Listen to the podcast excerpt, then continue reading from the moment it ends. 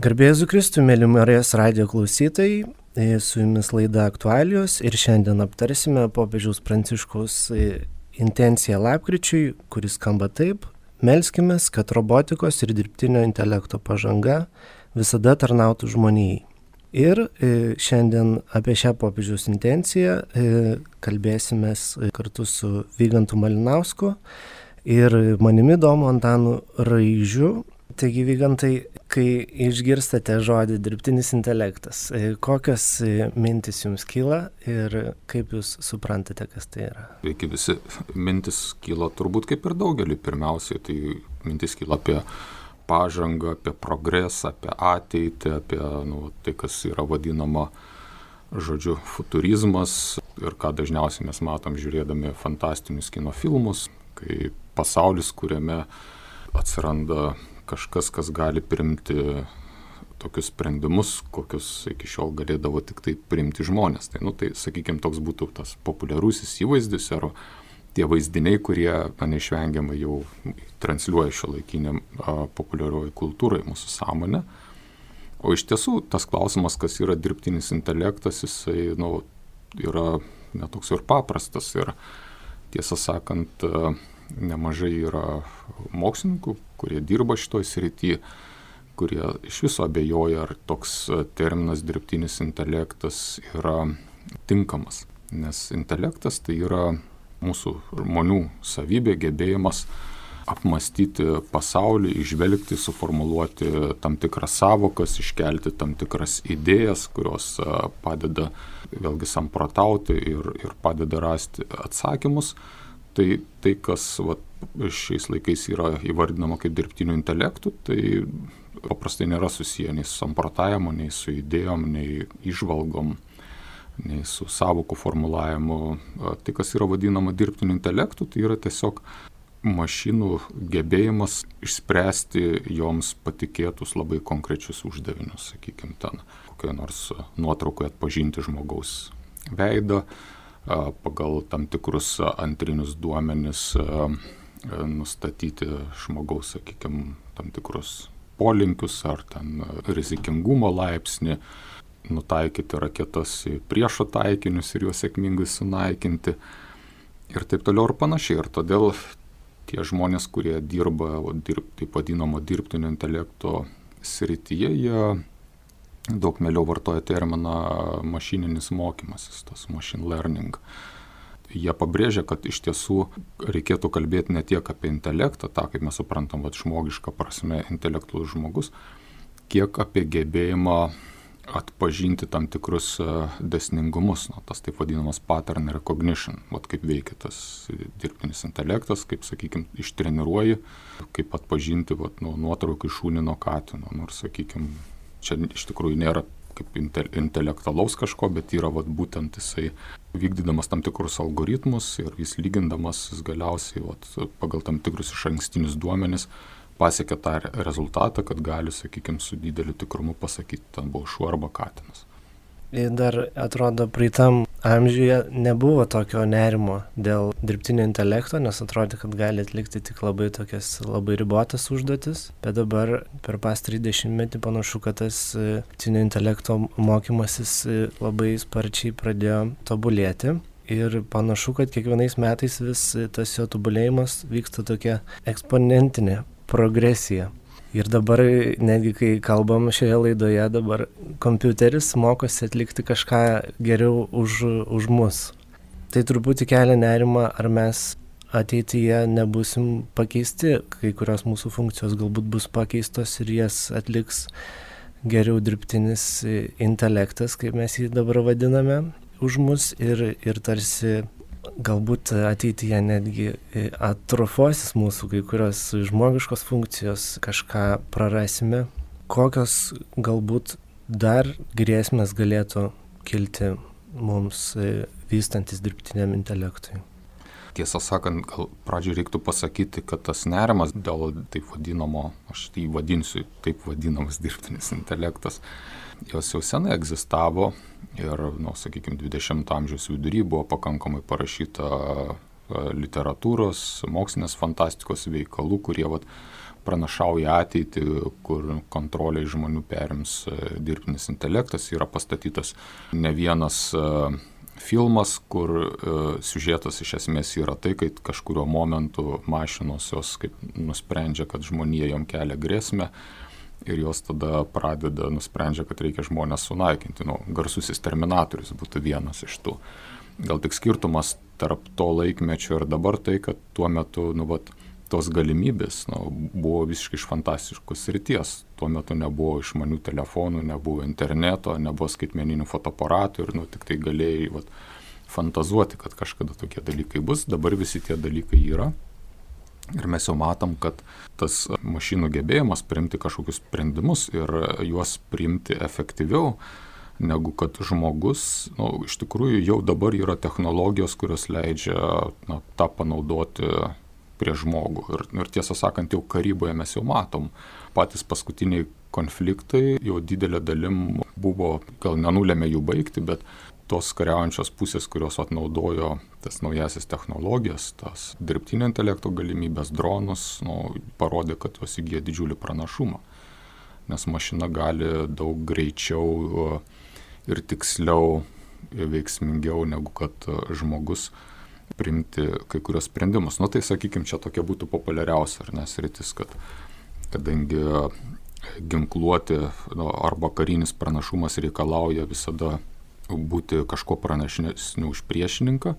Šiais laikais tai, kas duoda pranašumą, yra tos technologijos vadinamos dirbtiniu intelektu. Ir yra didelė pagunda, vat, grinai dėl išsaugojimo to vat, karinio pranašumo, vis daugiau patikėti sprendimu jom. Bet yra kitos rytis, kurios yra daug artimesnės mūsų gyvenimui. Yra tai, kad dirbtiniam intelektui e, leidžiama arba jis pasitelkiamas priimti sprendimus, kur iš tiesų yra reikalingas žmogiškas faktorius. Bet, pavyzdžiui, sakykime, jūs nueinat, norite paskolą gauti į banką ir bankininkas, jūs užpildote formą ir jis paskui ateina, sako, žinot, mes jums negalime duoti paskolos būstui Kodėl? Todėl, kad jis suvedė duomenis į kompiuterį ir kompiuteris pagal savo algoritmus pasakė, ne, šitas žmogus yra rizikingas. Kita situacija yra, na, nu, aišku, dar labiau hipotetinė, bet dabar ateina save vairuojančių automobilių era.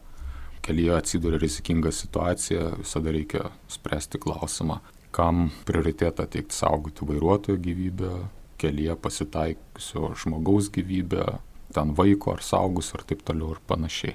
Tai čia mintis yra, kad e, kyla problemos, kai ten, kur yra, sprendimui yra labai svarbus žmogiškas faktorius ir kaip tai yra susiję su moralinė atsakomybė už pasiekmes, tas yra e, atiduodama dirbtiniam intelektui ir dirbtinis intelektas, jisai, na, nu, sakykime, nuėma nuo mūsų pareigą priimti moralinius sprendimus. Vat bankininkas sako, žinai, aš tau norėčiau duoti paskolą, bet va, suprantu, kad tau labai svarbu, kad tavo likimas priklauso, gerovė, tavo šeimos ateitis, tu bankrutuosi ir nebankrutuosi, bet nu man mašina tai pasakė. Ir gal dar vieną tokią paminėti sritį yra, nu, mūsų laikais labai dažnai kalbama privatumą. Jau žinom, ta duomenų apsauga yra didelis dalykas, bet problema yra ta, kad praktiškai dirbtinis intelektas arba tos technologijos, tos mašininio mokymosi technologijos, tos desningumo atpažinimo technologijos, jos leidžia veikti bet kokį mūsų privatumo barjerą. Visi esam, nu, daugelis esam skaitę arba matę filmus, arba bent jau girdėję, o Sherlockas Holmesas.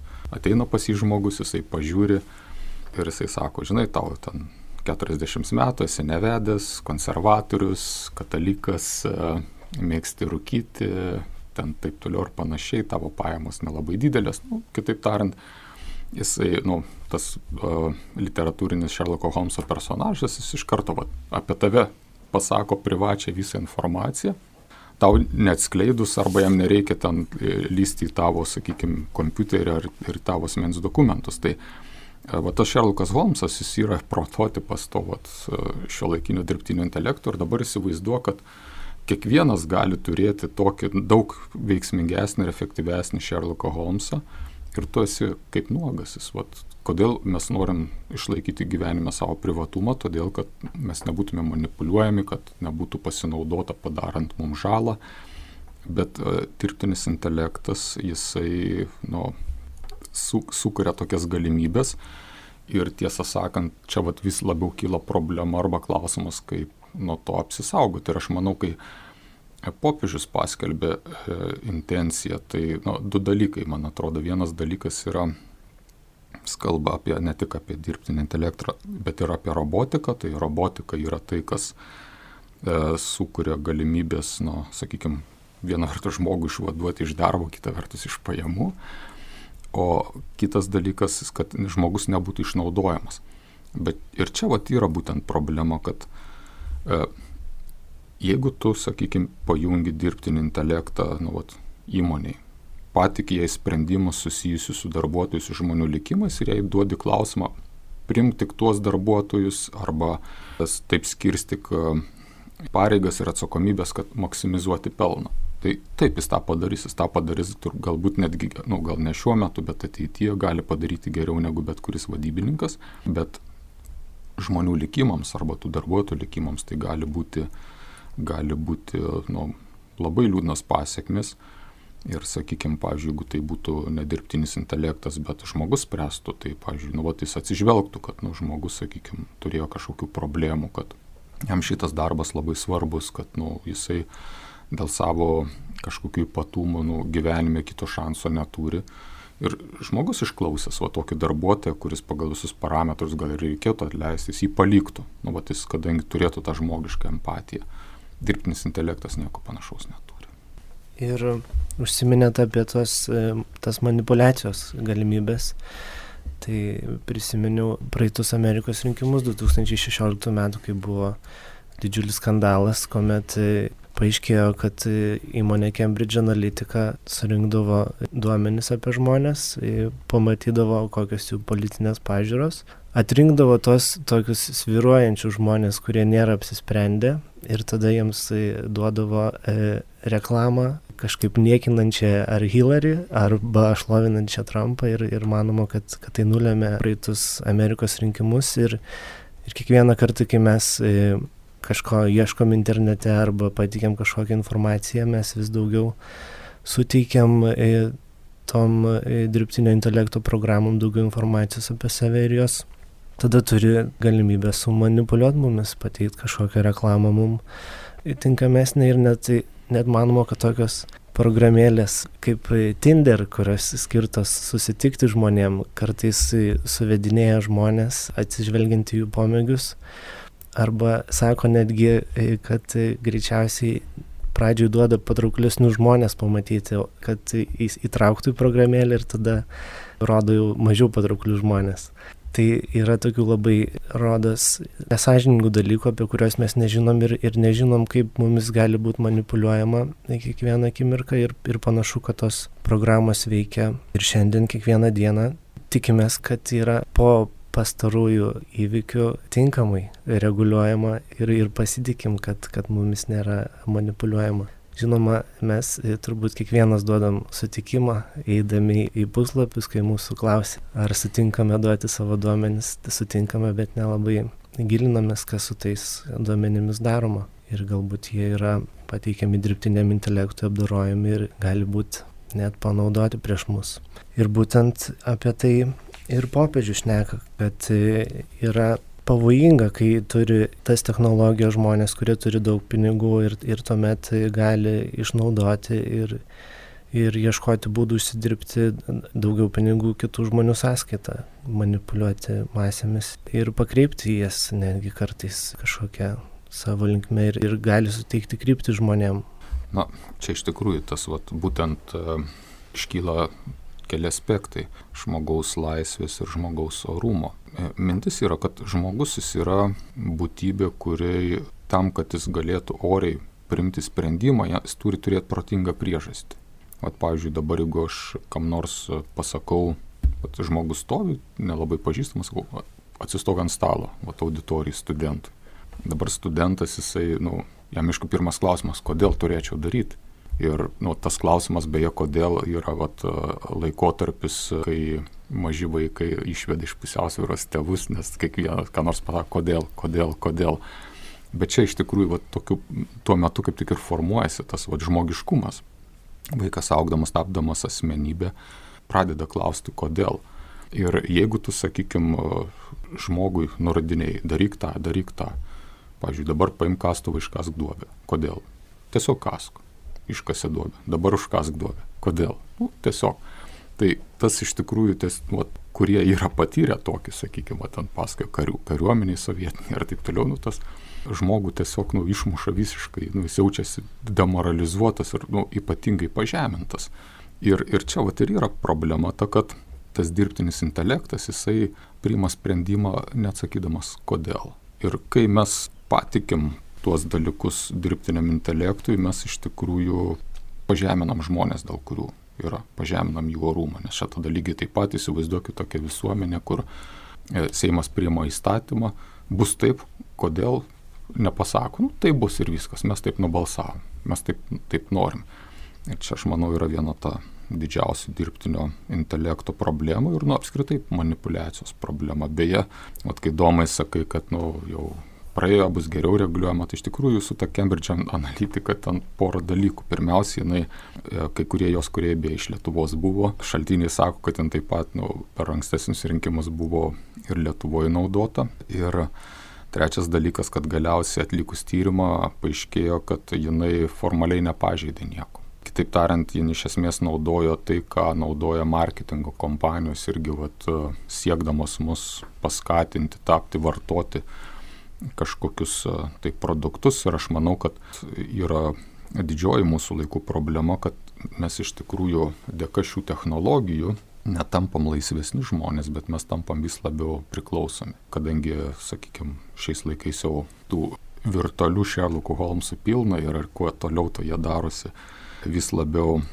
kietesni ir, ir galintis at, atsakyti į daugybę klausimų, iš tikrųjų čia yra rimta problema. Ir ta problema, vat, vėlgi dar paminėjai, kad galbūt mes atrofuosimės ir taip toliau. Tai iš tikrųjų, jeigu pasižiūrėti jau šiandien, turime daugybę jaunų žmonių ir čia ta, apie tą kalbą jau skamina pavos varpais. Pedagogai, psichologai, daug jau jaunų žmonių atrofuojasi socialinio gebėjimo, bendravimo, fizinio aktyvumo įgūdžiai, nes jie jau yra prikaustyti, pririšti prie didesnių ar mažesnių ekranų. Ir kaip mano vienas bičiulis sakė, kad kuris irgi turim vaikus, kuriuos leidžia pradinio mokyklą, sako, jau toks atsirado terminas. Nu, atsiprašau čia klausytojai, bet yra toks lomkės, kai, nu, kaip narkomanai, kurie, sakykime, negauna dozės, jie prasideda taip vadinamas laužimas. Sako, tas pats efektas jau kyla vaikam, kai jie pakankamai ilgą laiką neturi rankose išmanaus telefono.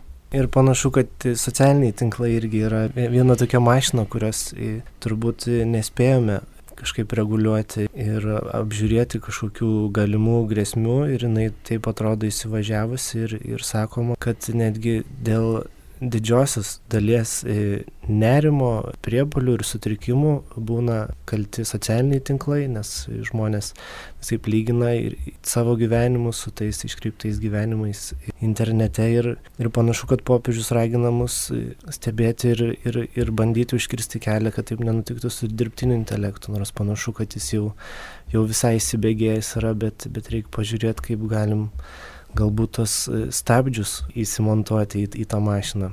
Taip pat panašu buvo ir su klimato kaita, kur buvo e, perspėjimų anksčiau, bet, bet buvo uždėlsta ir dabar panašu, kad, kad turim imtis jau tokių labai drastiškų priemonių, kad, kad kažkaip stabdyti procesus, kurie, kurie prasidėjo. Tai panašu, kad turim labai rimtai žvelgti į šitą popiežiaus raginimą melstis, melstis šį mėnesį apie dirbtinio intelekto ir, ir robotikos pažangą, kad galėtume bent turėti kažkokius, kaip sakiau, stabdžius, sustoti ar, ar pristabdyti dalykus, kurie gali iškreipti mūsų, mūsų prigimti. Bet e, dabar prisiminiau dar vieną e, tokį sprendimą, kaip Elonas Maskas galvoja e, kovoti su, su dirbtinio intelekto, galbūt, nu, tokiu mūsų, kaip Elonas Maskas nori išspręsti tą e, dirbtinio intelekto žmogaus pranokimą. Dabar jie jau pradėjo montuoti į gyvūnus e, tas mikroschemas, kurias dabar bandys taikyti medicinoje kad suaktyvintų tam tikras smegenų dalis apmirusias ir galbūt išgydyti ar Parkinsono lygas, sako, netgi galės žmonių, kurie prarado atmintį, atnaujinti tą gebėjimą prisiminti dalykus. Ir praktiškai vos ne visas paralyžiaus ir regos problemas galės spręsti tam tikrais ten laidžiukais įmontuotais į galvą. Bet e, Elonas Maskas sako, kad jo galutinis tikslas yra žmogaus ir, ir kompiuterio. Simbiozė. Taip, ir kad tai yra vienintelis būdas, kad dirbtinis intelektas e, taip drastiškai nepranoktų žmogaus ir kad neliktume už dirbtinio intelekto. Kaip jūs, e, vygantai, manot apie, apie tokį sprendimą? Na, pirmiausia, aš manau, kad kol kas šitas čia yra iš fantastikos ryties Ir čia vienas dalykas, ten elektrodais ten stimuliuoti kažkokias ten, sakykime, smegenų sritis arba ten e, nervinius impulsus siūsti ir visai kitas dalykas yra, sakykime, bandyti žmogaus intelektą pagerinti, prijungus nuo jo galvos, sakykime, smegenis, tai kabutėse prie kompiuterio, o gal ir ne kabutėse. Bet čia reikėtų klausytojams pasakyti štai ką, kad du dalykai. Pirmiausiai, e, kaip jau pradžioje minėjau, kad e, vis tik rimti tyrinėtojai sako, kad kol kas dirbtinio intelekto tikrąją to žodžio prasme neegzistuoja. Vienas momentas. Antras momentas, iš tikrųjų mokslininkai iki šiol nežino, kaip veikia žmogaus mąstymas ir smegenys. Jie gali stebėti tam tikras, sakykime, smegenų ten aktyvumą, tam tikrus biocheminius procesus, bet, bet klausimas, vat, nu, mes lietuvių kalboje turim žodį protas, uh, turim žodį sąmonė iš tikrųjų, nu, tai bet gal čia kalbant apie tą sąmonę, kas yra sąmonė ir kaip jin veikia, mokslui tas nėra aišku. Yra, nu, sakykime, tokia populiari stovykla, kuri viską tai pasako, kad sąmonė yra tik tai, vat, nu, smegenų ten funkcija, bet yra mažesnė stovykla, bet kuriai taip pat priklauso ir kai kurie Nobelio premijų laureatai, kurie sako, kad sąmonė vis tik tai yra transcenduoja smegenis. Na, ir mes žinom, mes tikintieji žinom, kad, sakykime, numirus smegenim, nu, žmogaus sąmonė nedingsta, kaip mes, mes tą vadiname sielą. Ir aš manau, kad ta tokia Masko utopija ir kitų utopija, jie remiasi tokiu, nu, sakykime, redukcionistiniu arba va, vien tik tai uh, supratimu, kad žmogus yra tik tai nu, kažkoks, sakykime, cheminių, fiziologinių procesų kažkoks kamolys. Tai manau, kad uh, nu, ateitis parodys, kad uh, tokie eksperimentai jie nu, bus turbūt prisimenami panašiai kaip praeitį irgi ten kai kurie buvo mokslininkai labai rimtai siūlė gydyti žmonės ten išoperuojant, ten jų ten tam tikras smegenų dalis, pagerinti juos, tai vadinama lobotomija buvo toks dabar kaip pseudomokslu. Tai. Bet, bet čia yra kitas dalykas, kad vėl ką aš noriu pasakyti, kad dirbtinis intelektas jisai gali spręsti tokias praktinės užduotis, kaip greičiau, tiksliau kažką apskaičiuoti, kažką atlikti ir taip toliau. Bet žmogus ir žmogaus gyvenimo kokybė yra ne apie tai. Žmogaus gyvenimo kokybė yra kaip gyventi prasmingiau, kaip labiau mylėti, kaip patirti daugiau džiaugsmo, ne malonumo, bet džiaugsmo ir kaip galiausiai būti laimingu tai, kad tavo smegenys prijungs prie kokios mašinos ir tada klausimas bus, ar tu ją valdysi ir tave valdys, nemanau, kad tave padarys labiau žmogumi. Mes truputį rodos, kad atsiliekam, nu, nespėjom mąstyti taip greit, kaip vystosi dirbtinis intelektas ir ar yra kažkokių būdų, kaip galbūt jau dabar galėtume reguliuoti dirbtinį intelektą, kad, kad nekiltų kažkokių problemų ateityje, arba kokie galbūt yra principai, kurie padėtų išvengti didelių grėsmių ateityje. Yra tokie, sakykime, suformuoti ten robotikos etika, kad tai vienas iš tų principų, kad turi būti uždrausta robotui kenkti žmogui, kad, sakykime, jisai turi visiškai paklūsti žmogaus komandom, išskyrus tuo atveju, kai, pavyzdžiui, tu liepi robotui ten kitą, kitą žmogų užmušti. Bet čia vėlgi iš karto prasideda klausimo, tai kaip yra, pavyzdžiui, tais kariniais dronais. Jau dabar va, dronas skraido ir jisai beje yra valdomas ne tik operatoriaus, bet nu, padeda jam vykti ir dirbtinis intelektas ir jo tikslas iš tikrųjų yra žudyti. Bet man atrodo, vienintelė ir ko gero, nu, kitokios priemonės nebus čia.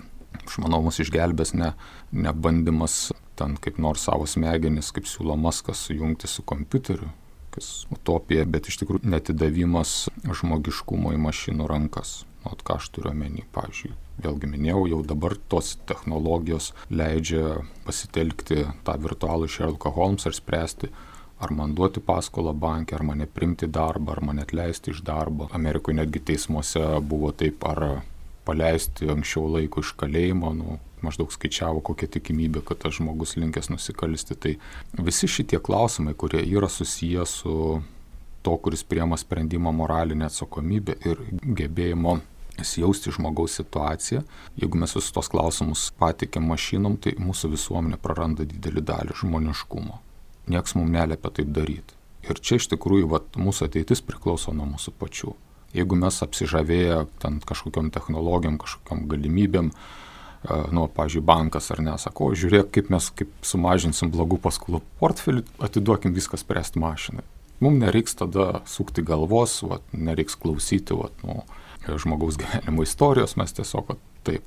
Tai tas atrodo patogu, bet vat, jeigu bankai pradės veikti tik taip, jie nu, nustos būti žmonių visuomenės dalim, jie taps kažkokie monstrai, kažkokios vat, sterilios institucijos. Tai aš manau, kad uh, mūsų pasirinkimas yra, kad uh, mes galim to neleisti, bet su sąlyga, kad mes nu, neturim atsispirti pagundai. Dabar aš sakyčiau, kad žmonija tos technologijos, nu, kaip ir visais laikais gundo, ar ne? Žmonija sukūrė atominę bombą, yra pagunda ją numesti ten. E, žmonija ten sukūrė dar kokias vat, nuodingas dujas, ar ne, vat, pagunda kare panaudoti. Tai panašus principas yra ir su to dirbtiniu intelektu. Tai Aš manyčiau, kad vienas iš tokių, sakykime, teisinio reguliavimo saugiklių turėtų būti, kad jeigu yra priemami sprendimai kokios nors institucijos susijęs su žmogaus likimu, tai ta institucija turi pateikti tam žmogui suprantamas, protingas priežastis, kodėl. Jis negali, kaip pasakyti, minėjau, kad tu dabar atsistok ant stalo arba tu iškask duobę, kodėl. Todėl, kad aš tau taip sakau. Ne, tu turi paaiškinti, kodėl nes jeigu tu nenori atimti iš žmogaus to vat, jo žmogiškumo esminio dalyko klausimo, kodėl. Nu, ir jeigu tai būtų, tai, pavyzdžiui, aš nueinu į banką ir noriu pasimti paskolą, bankininkas kompiuterį suveda, kompiuteris sako, neduok. Nu ir kas, bet jisai turi man paaiškinti, kodėl. Ir jeigu jis neturi to, nežino atsakymų, jis man vis tiek turės suteikti tą paskolą. Tai va čia yra vienas iš tokių svarstumų dabar kol kas tik tai teisės mokslininkų sluoksniuose, va, kaip iš tikrųjų turėtų būti tas saugiklis. Ir galbūt klausytojams sunku įsivaizduoti, kodėl taip nutinka, nes e, patys e, dirbtinio intelekto kuriejai, tam tikrų programų kuriejai, kurios apdoroja didelius kiekius duomenų, jos negali pateikti atsakymų, kodėl ir kaip kartais e, priemė vienus ar kitus sprendimus, nes gauna didelius kiekius duomenų, juos tada pagal tam tikrą užduotį apdoroja ir tada yra labai sunku atsekti, kur sudėjo tam tikrų sprendimų svorius programa. Ir tada negali paklausti programos, o kodėl tu taip nusprendai. Ji tik duoda atsakymą ir turi jo pasitikėti.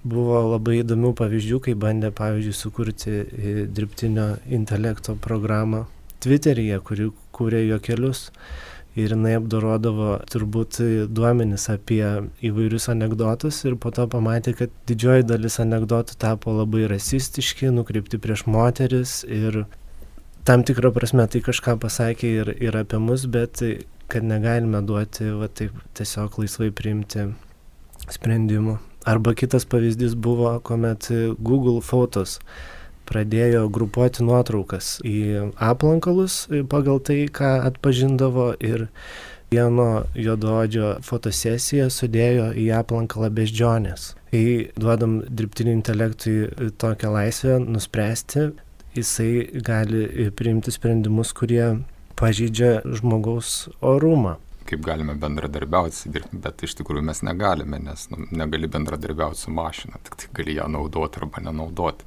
Tai čia būtų gal toks vienas iš momentų, bet čia manau, kad reikėtų tik tai, vėl, kaip čia jau, man atrodo, laidoje nekartą šitą paminėjom, kad e, kai žmogus, sakykime, yra pajungiamas tam, kas neturi jokio žmogiškumo, jokio jautrumo, kuris pats galiausiai nėra iš tikrųjų laisvas priimti sprendimus, va čia domai paminėjai, kad nu, patiduodama laisvė, bet mašina laisvės neturi. Laisvę gali sukurti tik, tik Dievas, mašina yra determinuojama jos algoritmų. Mes, kadangi nu, jie gali būti labai ilgi, ten reikia atlikti milijonus, gal net milijardus operacijų, kad ten pasakytų kažką, gali susidaryti įspūdis, kad ten mastų yra laisva. Ne, nėra laisva, jinai priklausoma iš anksto. Tai kai mes laisvą būtybę pajungiam tam, kuris nėra laisvas, kuris yra valdomas tam tikrų aklų dėsnių, tai mes visada pažeidžiam orumą. Vienintelis dalykas yra tai, kad mes nu, neturim viena vertus ir patys sauliaisti būti valdomi mašinų ir kita vertus nepasitelkti jų, kad jos padėtų mus, mums valdyti kitus žmonės, nes mes tokiu būdu irgi dalyvaujam nu, tų žmonių orumo žeminime arba naikinime. Dirbtinis intelektas tarsi mums suteikia tokią viltį, kaip kokiam švento rašto pasakojime apie Babelio bokštą, kuomet tarsi suteikia viltį pasiekti ar pranokti savo galimybės. Ir tada tai tarsi siekiam užimti Dievo vietą, tai bent jau susilyginti su Dievu, turim perspėjimų, kad tai gali baigtis blogai mums žmonijai ir kad šiaip turėtume nesistengti ieškoti būdų pranokti savo tas prigimtinės galimybės, bet tiesiog žiūrėti, kaip pagerinti gyvenimą savo aplinkiniams ir, ir neieškoti būdų, kaip galbūt galėtume turėti daugiau galios ar, ar valdžios šitame pasaulyje. Jau dabar yra apie 30 procentų pasaulio įmonių jau naudoja dirbtinį intelektą e, tam tikrose savo veiklos rytise. Ir tai rodo jau 270 procentų kilimą to dirbtinio intelekto naudojimo tose įmonėse. Ir panašu, kad, kad ateityje nebus jokių įmonių, kurios nenaudos dirbtinio intelekto. Galbūt žinot, kokiu sričių, kur, kur niekaip dirbtinis intelektas negalėtų e, pakeisti žmogaus. Kaip ir kalbėjau, pirmiausia, aš manau, kad dirbtinis intelektas negali pakeisti žmogaus ten, kur yra priemami sprendimai susiję su žmonių likimu. Nu, ir kiekvieno įmonė, sakykime, personalo klausimai, e, žmonių prieimimo, jų vertinimo. Bet uh, tokia viena gal iš uh, klasikinių sričių būtų tai teisės sritis, ar ne, vat, čia irgi dabar diskusija, kadangi visi taip tapo futuristais ir nieks neįsivaizduoja ateities be dirbtinio intelekto, nu tai vat klausimas, ar ateityje galėtų kompiuteriai, pažiūrėjau, spręsti bylas. Ir čia vėlgi tas pats atsakymas, aš manau, kad yra ne. Nes teisme, aš pats esu teisininkas, bylos sprendimas yra visada ir kartu vertybinis vertinimas. Įvertinti žmogaus atsakomybę, žmogaus veiksmų, gėrį arba blogį. Tai, kad tu tokius vertinimus galėtum padaryti, tu turi, kad pats suprasti, vat, ką reiškia būti žmogum, o tam, kad suprastum, ką reiškia būti žmogum, tu turi būti žmogus. Mašina negali suprasti, ką reiškia būti žmogum. Nu, iš viso jinai nieko negali suprasti, tik tai gali, sakykime, reaguoti ir ten konstruoti įvairius algoritmus. Bet jai patikėti, sakykime, spręsti vat, klausimus tokius, nu, jinai iš, iš principo yra už jos, nu, taip, kabutėse, sakykime, suvokimo ribų. Nes uh, tie klausimai, kurie yra susiję ne su tai, kaip greičiau nuskristi menulį, arba ne kaip daugiau pagaminti detalių, arba kaip, sakykime, atrasti automobiliui kelią, kad greičiau ten per kamščius nuvažiuotum, bet jeigu yra klausimas, kaip vertinti vienokį ar kitokį pasirinkimą, tas, o tarkim, teisės rytis be to yra neįmanoma, čia dirbtinis intelektas, o baigės jo galimybės. Ir tai nėra tas klausimas, kad, nu, jis dar kol kas negali, bet jis ateity galbūt galės. Ne, čia yra fundamentali sąlyga, kad jis tą galėtų, kad jis turi turėti žmogaus patirtį bet tu būdamas mašina, nu, negali turėti žmogus patirties, kaip mes, būdami žmonės, negalim turėti mašinos patirties, mes negalim įsivaizduoti, suprasti, ką reiškia būti kompiuteriu, kol mes netapom kompiuteriai, bet mes aišku niekada jais ir netapsim. Ir panašu, kad e, didžiosios įmonės pačios mato tas etinės problemas, daugeliu atveju nežino, kaip spręsti. Kalbant apie tas autonominės mašinas, e, visai bandoma galvoti, kaip vat, turėtų priimti vienu ar kitu sprendimu. Dabar girdėjau, yra interneto svetainė, kur yra kviečiami žmonės iš, iš viso pasaulio patys atsakinėti klausimus, kaip, kaip jie norėtų, kad automobilis pasirinktų vienoje ar kitoje situacijoje. Labai įdomu, kad, kad rezultatai būna skiriasi iš šalių ir, ir galima netgi pamatyti tam tikras tendencijas, kaip, kaip vienoje ar kitoje šalyje žmonės galbūt norėtų, kad, kad automobilis pasirinktų. Ten atkreipiamas dėmesys, kad, kad siekiama išsaugoti daugiau mažamečius vaikus, moteris, galbūt tokie savame suprantami dalykai, bet atsimenu, kai žiūrėjau tas statistikas, labai man buvo įdomu, nes buvo pasirinkimas, kad automobilis tiesiog nedarytų jokio sprendimo, tiesiog važiuotų tiesiai toj situacijai, kur reiktų rinktis. Ir, ir buvo įdomu, kad, kad Vokietija būtent labai dažnai rinkdavosi tiesiog, ne, kad neprimtų jokio sprendimo automobilis ir galbūt pasirinkimas jisai toks būtų teisingas tiesiog neprimti jokio sprendimo, nes tuomet neaišku, kas turi prisimti atsakomybę už, už tą eismo įvykį. Bet va čia doma, aš tik norėčiau įsiterpti, kaip mes ir kalbėjom, tik tai žmogus gali prisimti atsakomybę. Ir... Kai tu žmogaus gyvenime atsisakai prisimti atsakomybės, tu vat, netenki dalies savo žmogiškumo. Ar va čia toks labai geras pavyzdys ir va toks paradoksaliai tos technologijos veda mus į tai, kad nu, mes tampam mažiau atsakingi. Ir prieš keletą metų Europos komisija bandė svarstyti klausimą elektroninio asmens įteisinimo, atmetė tą svarstymą, nes, nu ir turbūt teisinga, kad, kad tik žmogus turėtų teisę prisimti atsakomybę už, už gyvybės, už kažkokius labai svarbius momentus mūsų gyvenimuose. Ir tą Dievo mintį atspindi, nes, nes Dievas mums suteikia tą valdžią čia prižiūrėti, rūpintis reikalai žemėje. Ir jeigu mes atiduodam kažkokiem dirbtiniem dalykam, mes tarsi atsisakom tos, tos Dievo dovanos, tos Dievo suteiktos privilegijos mums rūpintis ir mums tvarkyti reikalų žemėje, o ne kažkokiem mūsų sukurtiem antriniam produktam. Beje, va čia įdomu, aš irgi Briuselį dalyvau tokiam vienam komiteto posėdį, kur buvo svarstama, nu, ten apie ar tos vat, mašinos valdomos dirbtinio intelekto, ar jas pripažinti kaip jom nu, asmeniškumo. Nu, kaip yra, pavyzdžiui, asmenys yra fiziniai asmenys, yra juridiniai asmenys ir kad jie turėtų. Tai ten argumentai buvo tokie, kad jos nėra visiškai priklausomos, sakykime, nuo savininko, kad jos gali elgti savarankiškai, nepaklusti ir padaryti, pavyzdžiui, kažkokius veiksmus, kurie gali ten sukelti pasiekmes kitiem.